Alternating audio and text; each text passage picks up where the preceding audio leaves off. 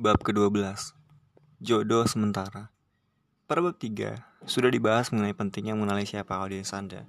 Pada bab ini akan saya dalami lagi dengan tambahan teknik mengenali partner Anda. Pasangan Anda saat bicara di depan umum, baik saat presentasi membawakan acara ataupun rapat sederhana, haruslah menjadi satu kesatuan dalam tujuan bicara, sehingga penampilan Anda dan dia bisa powerful. Sehingga Anda dengan pasangan bicara atau Anda dengan audiens bisa seperti berjodoh sementara. Tips berpartner dengan baik pada saat public speaking. Pada saat saya menjadi penyiar acara prime time sore di sebuah radio, partner saya partner saya, Melisa Karim, harus pergi selama hampir satu bulan ke luar negeri yang menyebabkan saya harus bergonta-ganti pasangan siaran. Kehilangan partner siaran di prime time show radio bukanlah hal yang sederhana karena menyangkut banyak pihak, mulai dari programming sampai marketing. Untuk menyiasatinya, tim program radio tersebut memberikan beberapa nama penyiar pengganti. Pada saat itu, saya merasa kurang pas apabila hanya ada satu orang yang menjadi pengganti sementara Melisa. Karena program kami waktu itu sangat identik dengan Hilbram, Melisa. Sehingga saya mengusulkan untuk menjadi player sementara ditinggal pasangan.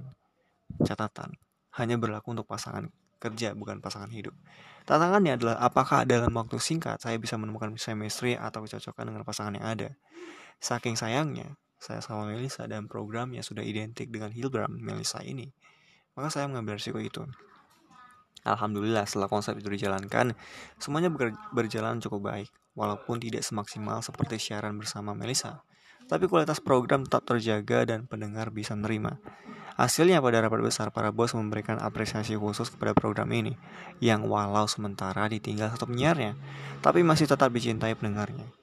Yang saya lakukan waktu itu adalah melakukan riset tentang siapa yang akan menjadi pasangan siaran saya, mulai dari latar belakangnya, hobinya, aktivitas terbarunya, sampai siapa pasangan hidupnya. Yang terakhir sebenarnya untuk saya sendiri siapa tahu bisa bisa digoda on air maksudnya. Dari hasil riset ini saya memasukkan ke dalam teori psikologi tentang karakter manusia sehingga secara tidak langsung saya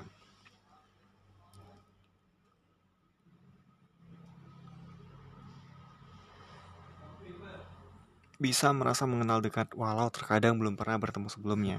Setelah memahami karakternya, mulai kenali langsung pribadinya dengan mengajak berbicara. Mulailah dengan perbincangan hangat sederhana seperti kesibukan terakhir apa, biarkan dia bercerita agar merasa nyaman dengan Anda.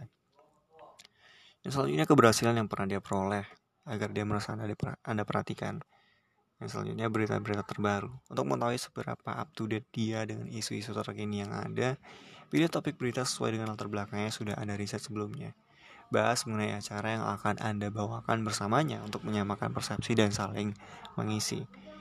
Jadikan dia partner yang seimbang saat tampil. Jangan terlalu percaya diri lalu ingin tampil lebih menonjol atau malah minder sehingga lebih banyak diam.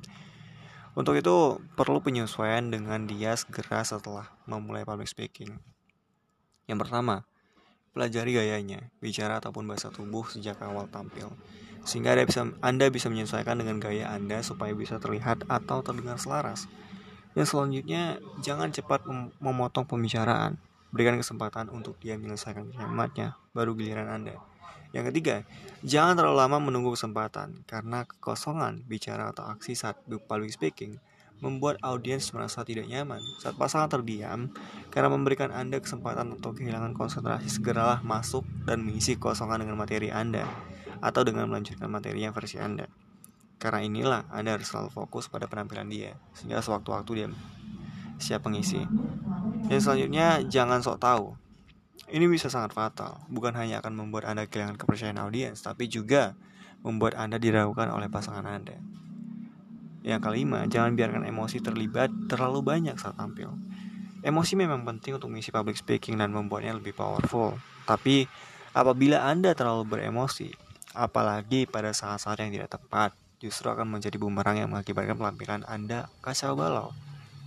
Emosi adalah bumbu penampilan, sama seperti makanan. Kalau kebanyakan bumbu, rasanya akan jadi, akan tidak karuan. Apalagi emosi itu Anda luapkan pada pasangan Anda. Sehingga bisa terjadi public speaking disaster karena perselisihan saat tampil. Yang selanjutnya, jangan terlalu berlebihan menggunakan bahasa tubuh. Saat menjadi public speaker, Anda akan menjadi pusat perhatian sehingga setiap gerakan yang Anda lakukan secara detail bisa dilihat audiens dan pasangan Anda. Bahasa tubuh bisa melipat gandakan penampilan Anda, tapi kalau berlebihan, justru sangat mengganggu pasangan Anda. Ini juga akan menghilangkan konsentrasi pasangan Anda yang akan bingung menanggapi tampilan Anda atau bahkan menganggap Anda aneh. Yang selanjutnya, perhatikan juga sifat partner Anda.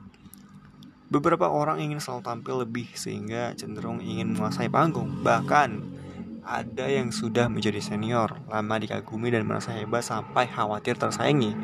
Orang seperti ini terkadang tidak ragu menyingkirkan partnernya dengan berbagai alasan. Menghadapi hal ini, Anda harus pandai mengatur ego diri saat tampil.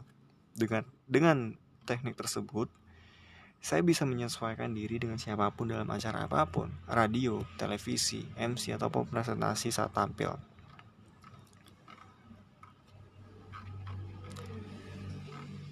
Berbeda partner tapi jadikan jodoh sementara di panggung untuk mendapatkan kecocokan maksimal.